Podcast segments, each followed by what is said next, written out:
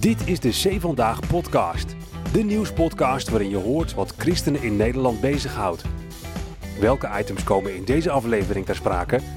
Presentator Jeffrey Schipper praat je bij.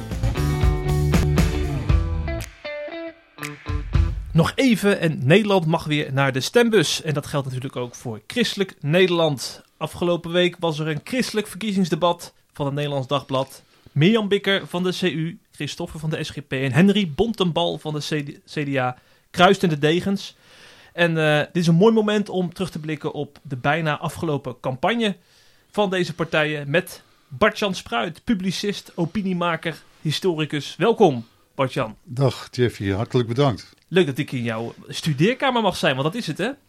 Ja, dit is uh, ja, het kamertje waar ik uh, schrijf en ja. eigenlijk altijd zit. Hier worden de columns gemaakt. Die, Met er wat boeken om me heen ter inspiratie. Ja. En, ter, ik moet zeggen, ter vermaning, hè, om het, het niveau er een beetje in te houden. Ja, is dat nodig af en toe? Nou ja, soms denk je wel eens van. Uh, het gaat over ditjes en datjes. En van die alternatieven die politici krijgen voorgelegd. En van die spelletjes bij het Jeugdjournaal. Uh, dat is allemaal leuk. En aardig natuurlijk. Maar het gaat natuurlijk toch wel uh, bij de politiek uiteindelijk om. ja, serieuze kwesties. Hmm. Met die ook aan alle vragen houden verband met elkaar. En uh, veronderstel een bepaalde visie. Het klinkt misschien heel zwaar in zo'n campagne te hebben, toch een bepaalde mensvisie en maatschappijvisie. En hoe moet je de politiek inrichten om dat in goede banen te leiden? Dus al die boeken hier, die, die manen mij dan om uh, dat, dat, dat aspect een beetje in het oog te houden. En, en niet alleen voor allerlei kleine concrete dingetjes, om daarover te schrijven. Ja, ja, ja. En als je dan even kijkt naar de bijdragers van de drie christelijke partijen in de campagne. Ja. Voldoen ze daar een beetje aan? Nou ja, ik heb wel het idee dat, uh, dat ze het eigenlijk alle drie best goed hebben gedaan ja? in die campagne. Als, je, okay. Als, als we ze zo eens langslopen. Hè, Christoffer die stond natuurlijk toch voor de zware opgave om Kees van der Staaij op te volgen. Ja. En dat was een zeer ervaren en zeer gewaardeerd uh, Kamerlid. En hij was betrekkelijk nieuw. Maar ja, hij doet dat allemaal uh, heel ontspannen.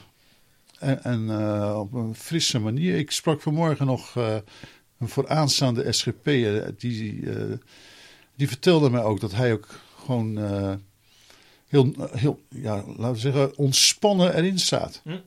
Dat hij bij, bij zo'n ND-debat bijvoorbeeld. Ja. Dat Kees van der Staaij dat heel grondig voorbereidde. En diep nadacht over de dingen die hij wilde gaan zeggen. En uh, heel de dag of heel wekenlang zijn medewerkers lastig viel. Uh, omdat hij feedback wilde hebben. En, uh, en Christophe zit gewoon in de auto. En die zegt: Waar gaan we nu ook alweer naartoe? En daar zullen we het dan eens over hebben. ja, een andere houding. Ja. ja, een hele andere houding. Ja. En, en, dat, nou ja, en dat, ik geloof dat hij ook wel ja, gevat is en, en fris is. En ja, zijn standpunten heel aardig voor het voetlicht weet te krijgen. Mm -hmm. En dat het, het, het, vreemde was natuurlijk dat hij daar bij het ND dat debat gewonnen bleek te hebben. Ja. Als je die peilingen voor het debat en na het debat met elkaar vergeleek, had hij, kwam hij uiteindelijk als uh, de meest populaire politicus naar voren. Dat is toch heel opmerkelijk, want dat Ja. zijn toch veelal CU-stemmers, denk ik, die in die zaal zitten. Lijkt mij ook. Ja, dus ja, dat was jammer voor mevrouw Bikker. En zo komen we van, als vanzelf op mevrouw Bikker. Ja, ja, ja, ja. Ja, die, ja ook al zo'n wisseling. Hè? Dus zij moest eh, eh, de naam van Gert-Jan Segers doen vergeten. Het is nogal wat. Dat is ook nogal wat. Eh, dus, ja, net als Kees van der Staaij opvolgen, dat is wat. Maar Gert-Jan Segers opvolgen, die natuurlijk toch een jaar of tien de man bij de ChristenUnie is geweest. En eh, belangrijke dingen heeft geschreven en de, de koers heeft bepaald. En knopen heeft doorgehakt. En ik geloof ook dat zij ja, bij alle haar optredens eh, heel goed en overtuigend en overtuigd overkwam. En ja, toch ook een heel aannemelijk verhaal had voor haar eigen partij. Mm, mm, mm, Maar ja, dat vertaalt zich. Ja, bij, bij de ChristenUnie en de SGP is natuurlijk altijd een probleem hoe goed je leider ook is en eh, hoe goed die verhalen ook zijn. En hoe uh, goed ze het ook doen in allerlei optredens uh, in de media en tijdens grote debatten. Erg veel groei zie je niet. Nee, nee. Nee. Er zit toch te veel op een christelijke achterban. Ja, ze zitten toch ja, helemaal vast. Ja. Ehm, al klinkt dat misschien wat negatief, maar ze, ja, ze hebben een eigen achterban. Mhm. En blijkbaar is het voor mensen buiten die achterban uh, niet zo aantrekkelijk. Ja, sporadisch natuurlijk, maar het komt wel voor. Maar het is niet zo massaal dat mensen die uh, in de afgelopen jaren bijvoorbeeld bij het CDA natuurlijk massaal zijn afgehaakt. Hè. Toen ik begon als politiek journalist had het CDA 54 zetels.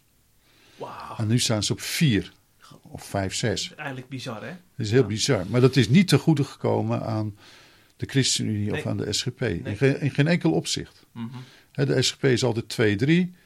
De ChristenUnie is RPF plus GPV, dus dat is 4-5. Ja, ze hebben één keer zes gehad. Eén ja. Keer, ja. Nou, ja, dat was geweldig dan. Ja. ja. Dus, nou dat. Maar ja, dan hebben we Henry Bontebal. Zeker. Onze vlotte Rotterdammer is dat, hè? Ja, heeft op, uh, net als ik op de beste middelbare school van Nederland gezeten.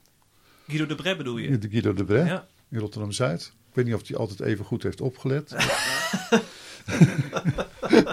nee, maar ja, dat was natuurlijk ook een enorme klus. Zo, zoals Christoffer voor een enorme klus stond om Kees van der Staaij op te volgen... en Mirjam Bikker om Gert-Jan Segers op te volgen. Zo stond hij voor de taak om een, het CDA, hè, na het gedoe met Hugo de Jonge en met Wopke Hoekstra en het falen eigenlijk toch van het CDA, als je dat zo mag zeggen, om die partij weer nieuw leven in te blazen. En ik vind dat hij uh, nou, weer voor het eerst sinds jaren, misschien wel decennia, erin geslaagd is om het CDA-verhaal weer te vertellen. En dat CDA-verhaal is? nou ja, dat is. Het, het, het CDA-verhaal. Kijk, toen ze in 1994 zo ontzettend verloren. Hè, van 54 naar 34 zetels gingen. Sindsdien hoor ik bij het CDA altijd oproepen. We gaan herbronnen. We moeten ons verhaal weer gaan vertellen. Die Pieter Jan Dijkman van het wetenschappelijk bureau. Uh, die heeft daar een dagtaak aan en die heeft daar uh, meerdere malen toe opgeroepen. En zijn voorgangers, hè, Ab Klink en anderen ook al. Maar dat gebeurde nooit. Ze kozen er altijd weer voor om met heel pragmatische politici, zoals Wopke Hoekstra bijvoorbeeld, die natuurlijk ook bij andere partijen zo zou kunnen inzetten.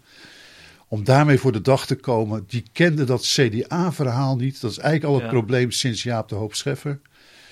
Uh, hadden dat nooit goed geïnternaliseerd, zeg maar. Dat zat niet in hun DNA. Dat uh, was een uit het hoofd geleerd lesje. En ik, bij Henry Bontebal had ik nu voor het eerst weer het idee van... Oké, hier staat weer iemand uh, die het CDA-verhaal begrijpt. Echt heeft, zich eigen heeft gemaakt. Dat zit in zijn hart. En dat CDA-verhaal van fatsoen, van een zorgzame samenleving... Uh, weg van het neoliberalisme, rentmeesterschap. Hè, dus dat je ook iets kunt zeggen over milieu en klimaat en dat soort zaken. Dat, dat heeft hij denk ik wel heel knap gedaan. Ook niet voor terugdeinzen om dat in grote, ja. een aantal le grote lezingen uiteen te zetten, dat verhaal. tijdens al die debatten was hij toch ja, kroop hij niet terug, of, of schrok hij niet terug om uh, verantwoording af te leggen over wat het CDA in het verleden uh, fout had gedaan. Mhm. Maar hè, wilde hij vooral ook vooruit. En ik denk dat dit, deze verkiezingen voor hem een tussenstap zullen zijn. Hè, dat hij de schade beperkt weet te houden. Laten we uh, zeggen dat hij op een zetel of acht uh, uit zal komen. Dat zou, zou die, dan zou hij het goed doen. Dat zou als een overwinning worden gevierd, denk ik. Ja, Deze... terwijl het natuurlijk een verlies is, maar dat Ja. zou als een overwinning worden gevierd. En dan, uh, ja, wat hij dan ook gaat doen, of hij uh, toch zich laat verleiden om tot een coalitie toe te treden of in de Tweede Kamer in de oppositie terechtkomen, dat hij dat verhaal, hè, waarvoor hij Ja. nu weer eh, de fundamenten heeft gelegd, of hij dat weer verder eh, kan gaan uitbouwen en die partij weer een beetje kleuren kan gaan geven. Ja, ja, ja. Dus je moet eigenlijk, denk ik, zeggen dat eh, de drie, ja, ze zijn nu inmiddels alle drie klein, de, de, de drie eh, christelijke partijen, eh, de- deze campagne, naar mijn mening, hè, de indruk die ze op mij hebben gemaakt, eh, dat ze het alle drie eigenlijk heel behoorlijk hebben gedaan. Kijk. Maar zonder dat ze natuurlijk direct op zoveel winst kunnen rekenen dat ze als machtspolitieke factor weer direct heel relevant zullen zijn. Mhm. Ja, En daarom is het zo verheugend eh, dat er nog een christelijke partij is, namelijk. eh, Nieuw Sociaal Contract. Dat, is ervaar je, dat zie je als een christelijke partij. ja, eh, ja, ze, ja. Ze, ze, ze, ze presenteren zich niet zo als een Nee. exclusief christelijke partij. Maar als je die onderliggende documenten bestudeert met prachtige verwijzingen naar Kierkegaard en Pascal en naar de deugdethiek of zo. Het is natuurlijk. ah, je hebt eigenlijk drie je hebt twee ARP's. Hè, dat is de ChristenUnie en dat is het CDA. Ehm, je hebt de SGP, je hebt eh, NSC. Ja, dat is eigenlijk een soort, misschien zou je het kunnen zeggen, een soort voortzetting van de KVP van vroeger. Eh, dus eh, dat christelijk geloof of die christelijke inspiratie is heel impliciet. Eh, maar ik vind het wel heel herkenbaar. Ja, ja, ja. Ja. Dus in die zin hadden ze ook wel bij het ND-verkiezingsdebat mogen aanschuiven. Om Ja, ja ik weet niet of ze dat hebben overwogen. Mm. Maar, maar, ja, ze presenteren zich natuurlijk niet als een christelijke Nee, partij. nee, dat is het. Maar ze, Ja. ik- vind wel dat zij, zeg maar, nou ja, het christelijk sociale denken en ook. eh, de grote vraag is natuurlijk, kijk, je kunt het wel over christelijk sociaal denken hebben. Hè, en dat betekent dan dat je eh, niet kiest voor de markt, hè, de neoliberale agenda. Ook niet kiest voor de overheid als meest dominante speler. Hè, met alle regelzucht en zo. dus niet voor het socialisme. Dat je kiest voor de samenleving, voor de gemeenschap, civil society. Maar ja, dat veronderstelt natuurlijk dat eh, de mensen in die samenleving, in die gemeenschap, eh, over de morele kracht en wil beschikken om ook zelf bij te dragen aan het creëren van oplossingen. En niet alles van de overheid verwachten of de overheid het liefst heel ver op afstand houden en zeggen laat de markt zijn werking maar doen. En, daar, en als je dat begrijpt, dan moet je het dus ook hebben over, nou ja, eh, over goed onderwijs, eh, over het belang van gezinnen en over, nou ja, wat, wat ze bij eh nieuw sociaal contract dan die deugdethiek noemen. Hè, dat mensen wel eh, bepaalde eigenschappen moeten ontwikkelen om die middenweg tussen staat en markt te bewandelen. En niet eh, zich afhankelijk op te stellen van de staat, maar ook zelf initiatieven te nemen. Hè, daar heeft eh om zich zijn eigen achterban natuurlijk ook expliciet toe opgeroepen. Hè, van wij, wij staan hier wel, maar ik verwacht ook veel van jullie. Als vrijwilligers, maar binnen een politieke partij, maar ook zeg maar als, als eh, zorgzame mensen binnen het geheel van de samenleving. Mhm. Nou ja, dat vind ik een, dat vind ik een christelijk geluid. Je maakt het nog ingewikkelder voor christenen die nog aan het zweven zijn op deze manier. Ja, er wordt veel gezweefd, Ja. geloof ik. Ja. ja. Ah, nee, en, en, en, en, en nou we toch bezig zijn. Ja. eh, het is natuurlijk wel mooi. Hè, want, eh, soms is er een reden tot pessimisme en tot zorgen. Maar hè, hoe de politiek zich nu ontwikkelt, ik vind het geweldig. Ik word er helemaal vrolijk van. Zeg maar dat die sociaal-liberale dominantie hè, met VVD, eh, D66 en zo. Dat die eenzijdige dominantie, dat, dat, eh, dat daarmee wordt afgerekend eh, woensdag. Ja, ja. Dat, dat je partijen krijgt als nieuw sociaal contract. En in mindere mate dan, ge- dan gehoopt en verwacht de BBB.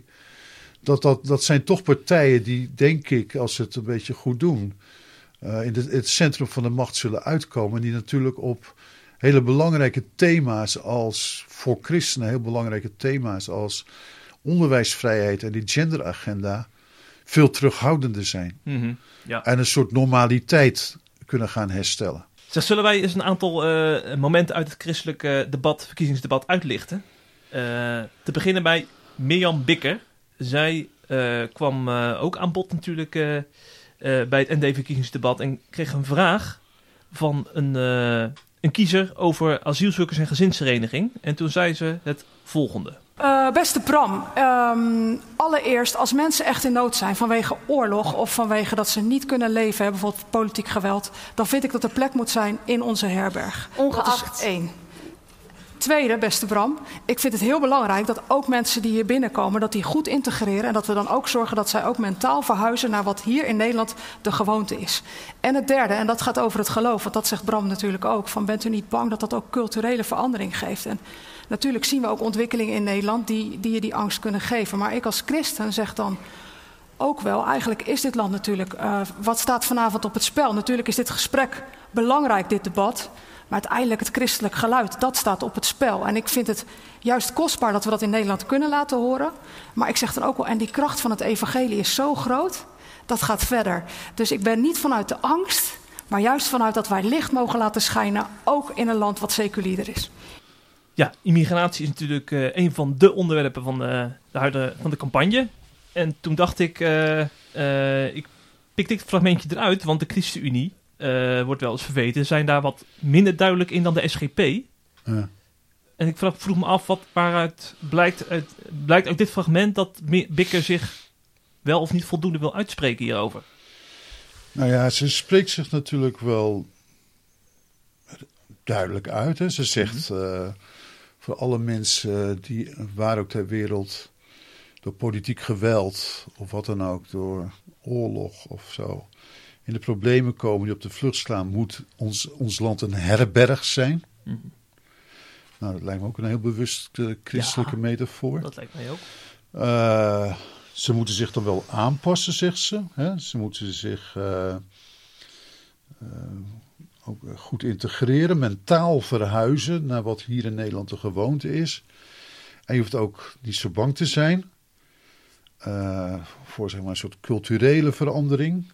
Dat, dat de christelijke waarden normen zeg maar, als gevolg van die instroom uh, steeds minder nadrukkelijk aanwezig zullen zijn. Want uh, ze gelooft wat dat betreft in de kracht van het evangelie.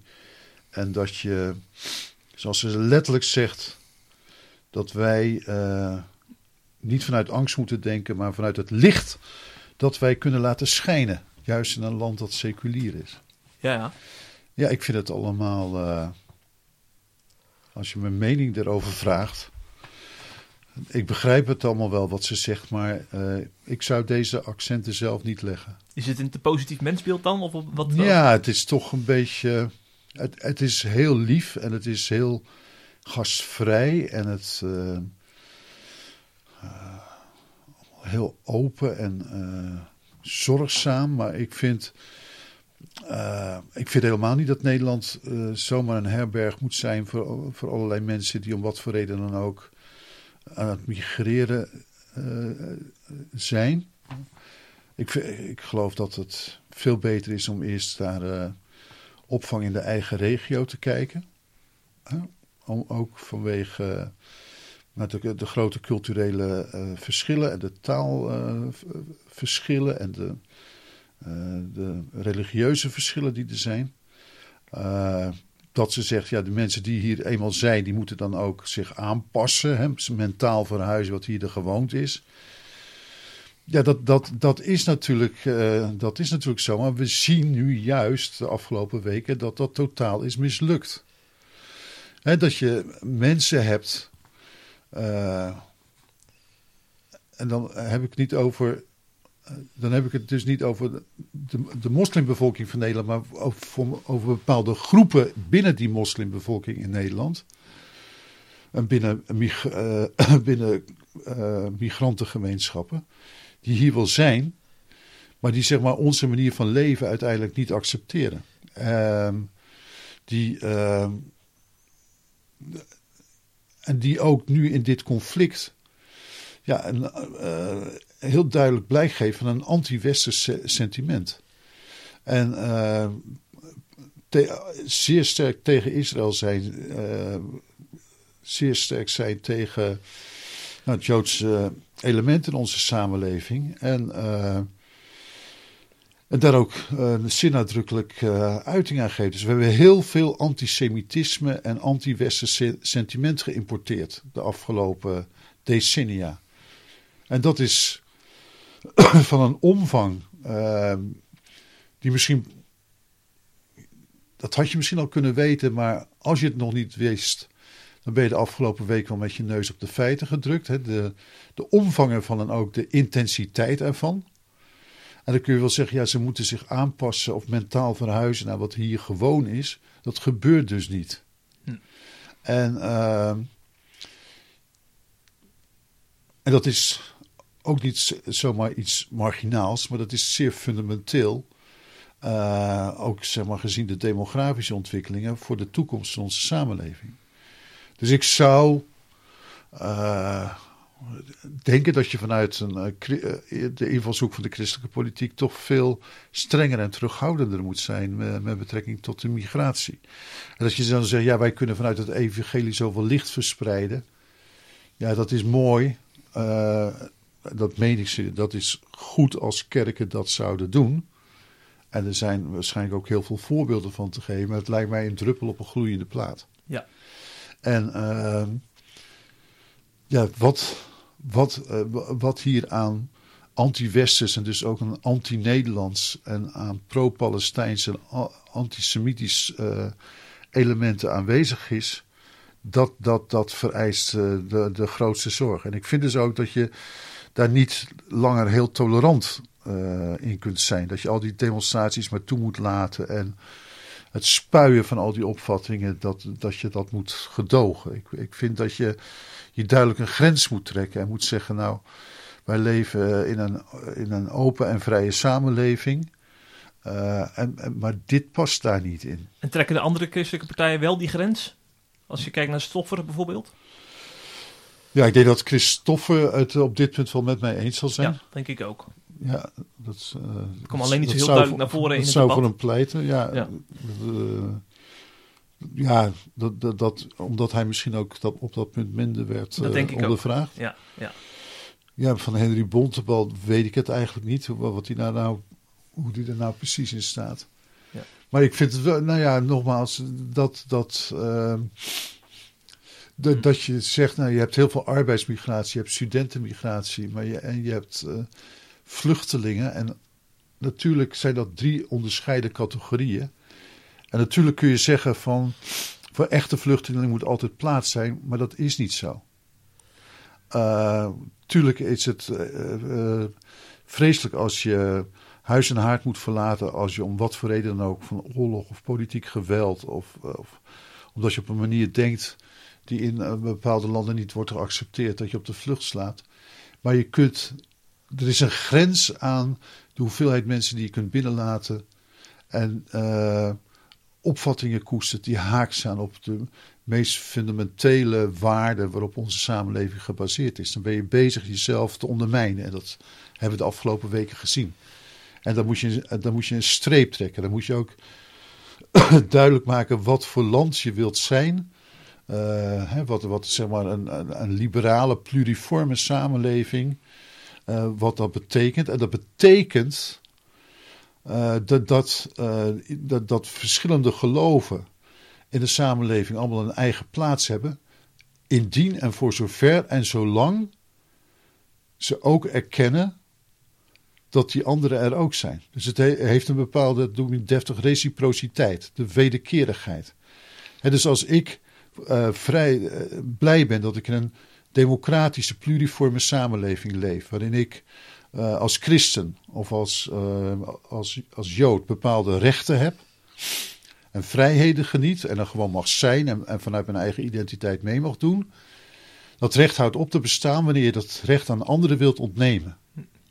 En dat is de grens die je moet trekken. En bij, bij heel veel migranten leeft natuurlijk toch de gedachte dat, uiteindelijk maar, dat er uiteindelijk maar één geloof dominant mag zijn. En dat, uh, dat, ja, dat die andere hooguit een soort tweederangs burgers op den duur zullen mogen zijn. En dat, dat, dat, dat kun je niet tolereren, die manier van denken. Nee, maar je kan toch ook niet zeggen van uh, de, de, mensen die nu al, uh, sommigen zijn al 40, 40 50 jaar in Nederland. Dan nee, kan je niet zeggen van je moet ze nu uit Nederland zetten, bij wijze van spreken. Nee, nee, nee, dat zeg ik ook niet. Maar ik zeg wel dat je vanuit de politiek en uit de samenleving ja. dit moet expliciteren. Ja, precies. En zolang, zolang dat niet wordt gezegd of alleen maar impliciet wordt gemompeld, uh, weten, weten mensen misschien ook niet waar ze aan toe zijn en denken ze dat ze op dit punt heel ver kunnen gaan. En je moet duidelijk zeggen, ho, wat, wat jullie nu scanderen, wat jullie nu zeggen, en wat jullie, de agenda die jullie uh, willen voeren, daarvoor is in Nederland geen ruimte. We zijn zeer tolerant. Je mag geloven wat je wilt. Je mag ook heel veel zeggen. En je mag uh, je eigen praktijken erop nahouden. Maar onder het beding dat je erkent dat die ruimte en vrijheid ook voor anderen er is.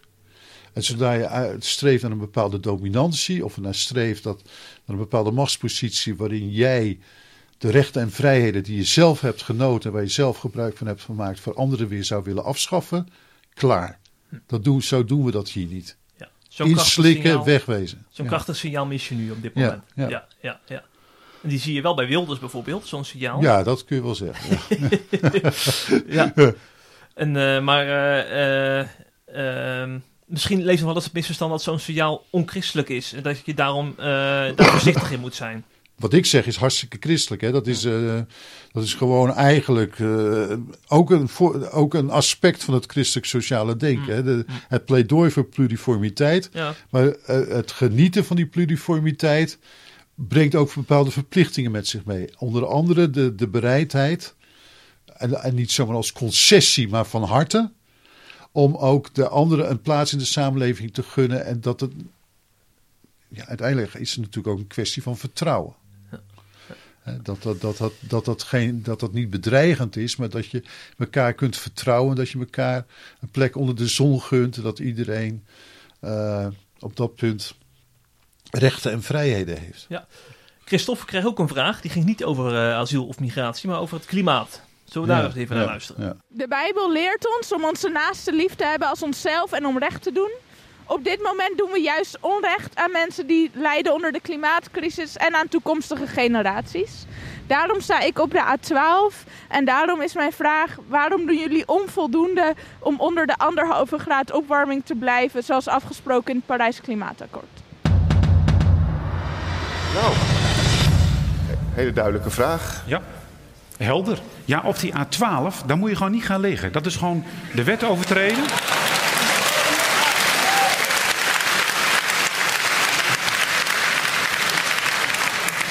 En voor de rest heb ik denk straks al gezegd: kijk, het gaat ons niet om een exact percentage in een wet. Maar als rentmeester van Gods schepping hebben we echt de opdracht om zo goed mogelijk ook stappen te zetten. Een goede energiemix bijvoorbeeld, heb ik al jaren voor gestreden, naast zon en wind. Ook kernenergie en ook getijdencentrales in de Noordzee. Dus we moeten echt stappen zetten, daar mogen investeren, dat mag wat kosten. Maar het moet wel op een reële manier. En voor ons is daar niet een wet voor nodig. Dat kunnen we ook gewoon door er echt met elkaar goed ons best voor te doen. Ik ken mensen die de ChristenUnie GroenLinks met de Bijbel noemen. en de SGP op klimaatperspectief uh, wat realistischer vinden. Blijkt dat ook uit dit antwoord van Stoffer? Is hij een klimaatrealist? Ja. Kijk, ik de, kijk uh, de SGP heeft natuurlijk uh, een sterke agrarische achterban. Uh, een ondernemende achterban. Uh, en ik, ik, denk dat je wel kunt zeggen dat uh, nou ja, het nadenken over milieu en klimaat in SGP-kring nou ja, eigenlijk vrij laat tot ontwikkeling is gekomen, laten we het zo zeggen. Dat, dat was, nou, was geen groot thema. En dat, daar zijn allerlei misschien wel theologische redenen voor en uh, sociale redenen. Uh, maar je ziet het ook duidelijk bij het, uh, in een krant als het RD. Hè? Daar, daar mm -hmm. wordt heel veel aandacht geschonken aan rentmeesterschap en aan klimaat en aan milieu en goede zorg voor de schepping en zo. En ik denk dat, dat hieruit blijkt dat, dat Christoffer dat wel heeft opgepikt. Hè? Dus dat, dat, dat uh, de manier waarop wij uh, met de schepping zijn omgegaan, eh, ja, heel e- exploiterend is geweest. Hè? En dat we eh, de natuur eh, enorm hebben, of de schepping enorm hebben uitgebuit en voor ons eigen gewin hebben aangewend. En voor ons eigen voordeel. Eh, maar dat daar, daar, daar tot duidelijk grenzen aan zitten. En dat we nu eh, te maken hebben met eh, kwesties die daar eh, rechtstreeks of indirect het gevolg van zijn. Ja, en dat, dat, dat had altijd weinig aandacht natuurlijk in, in SGP-kringen. Maar ik denk dat er wel een bepaalde verandering in is gekomen. Zonder dat ze, dat blijkt ook uit het antwoord van Christoffer.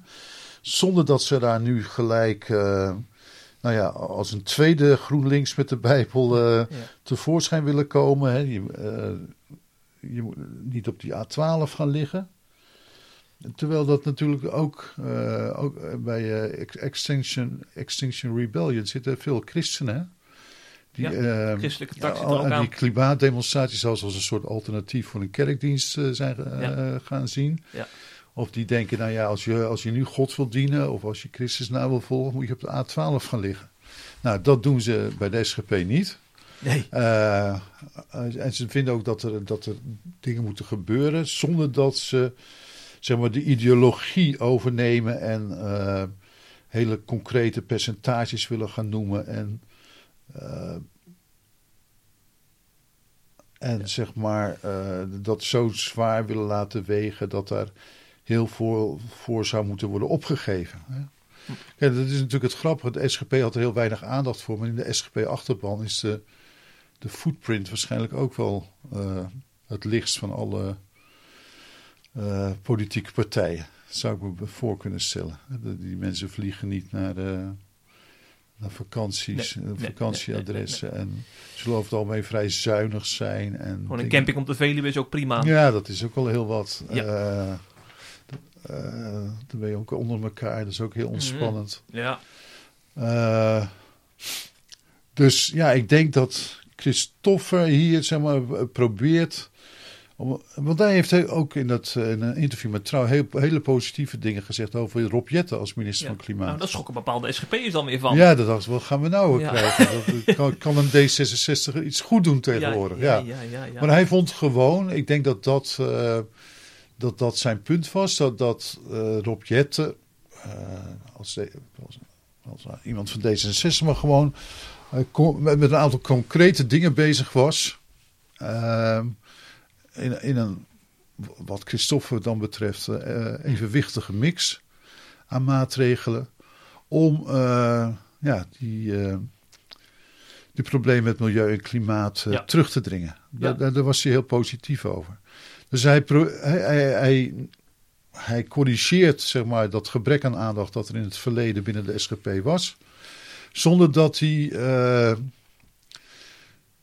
nou, de, heel die ideologie omarmt en hele concrete doelstellingen eh, wil gaan eh, omarmen en jaartallen daarbij wil noemen en gigantische miljardenbedragen daarvoor wil vrijmaken, maar benadrukt in de eerste plaats wat, wat, wat je zelf kunt doen.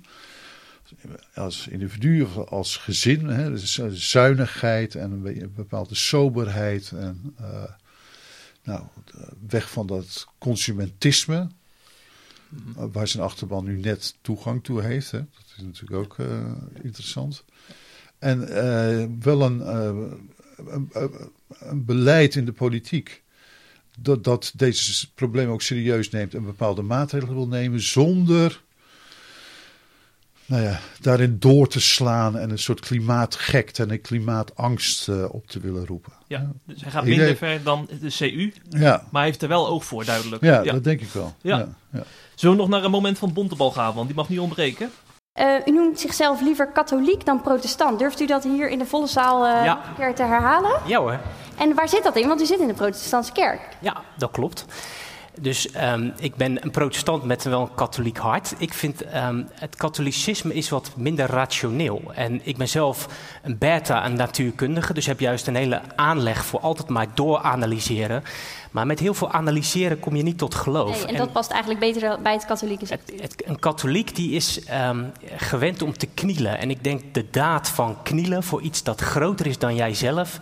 is denk ik een hele belangrijke uh, daad. Dus ik, het dwingt mij om wat minder rationeel te zijn en om mezelf over te geven aan iets wat ik niet uiteindelijk begrijp. Ja, ja ik dacht als we het over het CDA hebben, CDA hebben en er wordt wat over het geloof gezegd, dan moeten we gelijk daar even, dat even uitlichten. Want dat gebeurt niet heel vaak, dat. CDA's over het geloof praten.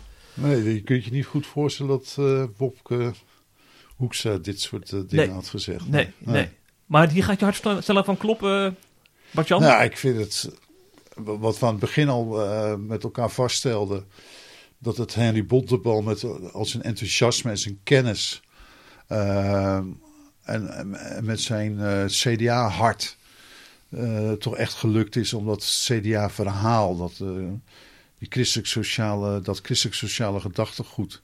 Wat het nou precies betekent om dat toch weer op een hele frisse manier uh, naar voren te brengen in deze campagne. En dat zal hem op den duur wel gaan helpen. Misschien woensdag nog niet direct uh, op een zeer indrukwekkende manier. Maar misschien ja, acht tot tien zetels.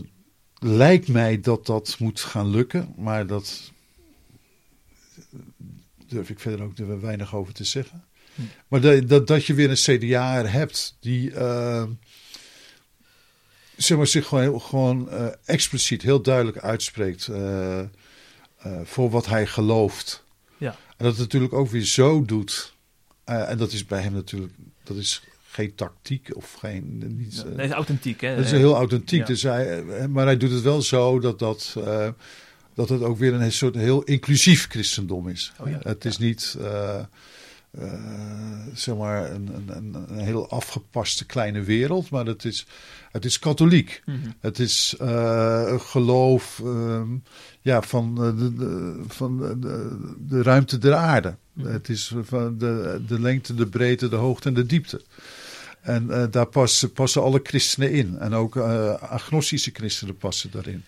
En het gaat om niet zozeer van, van, om redeneringen en uh, rationalisme, zoals hij dat hier uh, in dat citaat noemt, maar het gaat om een bepaalde overgave van het hart voor een buigen, buig voor iets dat groter voor je is. En dan, dan kiest hij formuleringen, en dat doet hij niet om tactische redenen, hè, dit meent hij echt. Ik, ik heb ook andere interviews met hem gelezen, dat ook voor niet-christenen of voor christenen aan de rand van de kerk heel herkenbaar is. Hè? Dat verlangen naar zingeving en het willen opgaan in iets dat groter is dan jijzelf. Dus zelfs de manier waarop hij. Hè, dus hij, dat CDA-verhaal heeft hij weer prachtig naar voren gebracht. Maar ook de manier waarop hij over zijn geloof spreekt. Is wervend omdat het zo inclusief is. Ja, ja, ja. ja. ja. En in die zin ook weer onderscheidend dan. Want uh, mensen die het dan uh, te inclusief vinden, die, die gaan dan toch naar CU of ChristenUnie. Ja, dat, ja, ja, dat denk ik wel. Hè? Ja. De mensen die zeggen van nou, dat mag wel wel ja. wat uh, scherper belijnd dan wat, wat hij hier nu doet. Uh, moet, je moet daar toch uh, andere keuzes in maken. Niet zullen zeggen, nou, dat, zie je, dat is toch een beetje te breed en te ruim en ik kies voor ChristenUnie of SGP. Maar er zijn in toenemende mate natuurlijk mensen die nou ja, die sowieso politiek en geloof niet al te zeer willen vermengen. Hè? Dus uh, ja. dat, dat uh, je politieke keuzes niet gebaseerd hoeven te zijn mm -hmm. op. Uh, of een directe doorvertaling hoeven te zijn van wat je gelooft. Of die ja, de katholiciteit van het geloof hebben ontdekt. En van daaruit ook. zoals Heldering in de 19e eeuw zei, hun netten breed uitwerpen. Kijk, ja, ja een klassieketje voor uh, de kenners. Ja, precies. Ja. Maar um, uh, dan vraag ik me dan toch af, Bart-Jan, uh, als we een beetje aan het eind van de podcast komen. zijn we wat wijzer geworden van, van de manier waarop deze drie christelijke partijen zich profileren? Nou, als je, als je nu de, die drie, die drie partijleiders, als je die nu de afgelopen weken bezig hebt gezien, dat had je toch een jaar geleden nog niet kunnen voorstellen. Hmm. Dus er is veel veranderd. Uh, he, ze, ze, ze, zijn de plaatsvervangers van grote namen. En ze hebben denk ik alle drie uh, hun best gedaan om... Ik denk dat, ze, dat de naamsbekendheid van alle drie inmiddels groot is in Nederland. Dat, dat, ze, dat het ze toch gelukt is. Welke keuzes je daar zelf ook in maakt. Om het verhaal, het, het oude verhaal van hun partijen van het CDA, van de ChristenUnie, van de SGP, om dat verhaal uh, mm -hmm. dat, ze, dat ze dat verhaal, dat dat geen van buiten ge- uit het hoofd geleerd lesje is, maar dat dat iets is wat uit hun hart voortkomt. Dat ze er werkelijk in geloven. En dat ze daardoor ook heel aut- authentiek zijn in de manier waarop ze dat eh, de afgelopen weken voor het voetlicht hebben gebracht. En dat het daarmee ook heel overtuigend is geweest. hè. Die ontspannen frisheid, bijna laconieke van, eh van Christoffer. hè, De, gedrevenheid van, eh, van Mirjam, eh, Mirjam Bikker voor de armsten in de samenleving en voor de mensen die het moeilijk hebben. En hoe Henry Bontebal dat, dat, dat, dat, ja, ingedutte, ondergestofte christendemocratische verhaal toch weer een bepaalde frisheid heeft weten te brengen. Ik denk dat, ja, dat, dat, eh, dat ze alle drie wat dat betreft een echt een, een bijzondere prestatie hebben geleverd. Hm. Dat meen ik serieus. Ja, ja. En, ehm, ja, de- eh, en vervolgens eh, hebben we er nog een christelijke partij bij gekregen, een nieuw sociaal contract. En zijn de politieke verhoudingen gelukkig heel erg veranderd. Hè? Dus dat het centrum en en, het centrum rechts deze verkiezingen gaan winnen. En dat, dat die vreselijke, wat mij betreft, die, die vreselijke linkse politiek, dat, dat sociaal-liberale denken dat dat nu naar achteren wordt geduwd en weer een tijdje in de touwen hangt, dat verwelkom ik ook zeer. En verwelkom, je die, verwelkom jij die rechtse overwinning, hè, als die er dan komt? Zeker, Met- zeker, zeker. Met Wilders ook? Nou, weet je, ja, dat, dat. Kijk, ik denk de Wilders. Kijk, tien jaar geleden, of wanneer was het? Toen hij ge- gedoogsteun gaf aan het eerste kabinet van Rutte. Dus twaalf jaar geleden. Ja, zoiets. Ja. Ja. Toen was ik daar enorm blij mee, omdat ik dacht: oké, PVV is een nieuwe partij. Een, een nieuwe partij begint altijd populistisch. Iedere partij begint zo. Want je moet aantonen waarom jij nodig bent. En je kunt alleen maar aantonen dat je nodig bent door de kloof bloot te leggen tussen politiek Den Haag en het volk. En jij gaat een bepaald deel van het volk of het volk representeren. Zo begint het altijd. Maar dat moet een bedding krijgen. En ik had gehoopt dat, dat de PVV met die gedoogsteun van het eerste kabinet eh, Rutte eh, gewoon een politieke speler zou worden met een hele eigen identiteit, maar wel zich zou bewegen binnen het democratische spel zoals het in Nederland wordt gespeeld. En dus in die zin eh, een, proces van normalisering zou doormaken. Nou, dat is toen niet gebeurd. Eh, nu eh, hebben we de afgelopen weken gezien hoe Geert Wilders zichzelf aan het normaliseren is, zeg maar. Hè? Geert Milders wordt hij nu genoemd, Ja. hè? Ja. Ik denk trouwens wel dat dit de echte Geert Wilders is. Ja? Ja. De rest, dus die, al die tien jaar hiervoor, dat was... Nou, ja, dat, dat was natuurlijk ehm, ruig, Eh, bitter, soms ook wat eh, agressief. Eh, maar ik denk dat hij. dat, dat, dat, dat, dat, dat de Wilders, die- die we bij het Jeugdjournaal hebben gezien. en die we bij SBS hebben gezien. en bij Vandaag in Site hebben gezien. dat dat uiteindelijk de echte, de echte Wilders is. Die eh, natuurlijk wel altijd zichzelf is gebleven. en een vrij stabiele achterban toch heeft gehad. en nu weer. Ja, dat hebben die linkse jongens echt aan zichzelf te danken. Hè? Die linkse jongens en meisjes met die, met die gekke demonstraties en die absurde publicaties. Eh, die hebben Geert Wilders groot gemaakt. Die hebben, die hebben de alarmbel doen rinkelen en hebben heel veel mensen doen beseffen, maar dit willen we niet in Nederland. Dus dan, ja, dan komen ze vaak bij Geert Wilders uit. En als Geert Wilders erin slaagt om eh, zeg maar, dat proces van zelfnormalisering voor te zetten en zeg maar, een constructief, met, vanuit zijn eigen identiteit, zeg maar, een soort constructief element te worden in eh, de, de, de, de, de Nederlandse democratie. Dan zou ik het een kans willen geven. Oké, oké. Ja. En met of zonder gedoogsteun? Nou, laat hij maar gewoon meedoen. Helemaal meedoen? Ja, Ja, ja. ja, ja. Zo. Martin Bosma, Kamervoorzitter. Dan worden de debatten ook wat leuker. En eh, Geert Wilders zal zelf wel in de Kamer blijven. Maar hij moet toch twee, drie goede ministers kunnen vinden. Ja. Je, Ik, je schrikt ervan, Jeffrey, of niet? nou ja, ik, ik zit te denken aan, eh, aan eh, een familielid van, van mijn vrouw. Die van de SGP naar de PVV overstapt. Ja. En dan denk ik van, ja, moet ik, moet ik daar me nou wel of niet zorgen over maken? Ik ben er nog Nou. niet over uit. Ik ben er nog niet over uit. Kijk, ik, ik zeg, eh, wat, wat ik zeg, dat Ja. is met de wijsheid van nu. Ja, ja. Maar ik, ik meen het serieus. Hè? Dus dat Mm. partijen, nieuwe partijen die van buiten komen, aanhang hebben weten te verwerven, in het parlement komen, natuurlijk eh, zich altijd willen profileren. En profileren doe je door je af te zetten en Ja. hele andere opvattingen te verkondigen. Maar er moet een keer een fase komen waarin zo'n partij eh, toch een beetje uitgebalanceerd raakt. eh, en in staat is om een positieve kracht te gaan vormen. eh, en ook vanuit de representatie van die f- enorm veel, hoeveelheid de kiezers die ze hebben, een constructieve bijdrage willen gaan leveren. Mhm, mhm. En Wilders eh, heeft hele lelijke dingen gezegd, hele boze, kwade dingen gezegd. Maar de Wilders, eh, zoals we hem hebben gezien, dat is de echte. Oké, oké. Dat weet ik zeker. Ja, ja. Ja. ik ben heel erg benieuwd naar de komende maanden. Als Ja. dadelijk die formatie op gang gaat komen. Wat we dan allemaal van hem gaan verwachten. En van de rest. Ja, We gaan het zien. ja het, het is ongekend spannend. En ik eh, kan niet wachten tot het woensdag is en, en wat er daarna komt. Ik, eh, Ja. Vorige keer was het altijd saai natuurlijk. was eigenlijk geen bal aan. Hè? Met VVD, D66. En Ja. die, die mensen van de P van de A en zo. Ja. Nou, laten we hier nou eens. eh, laten we nu eens eh, NSC en BBB en. hè, en laat die christelijke Ideologische politieke partijen een beetje weer niet. Heel goed. Ja, Ja, ja, heel goed.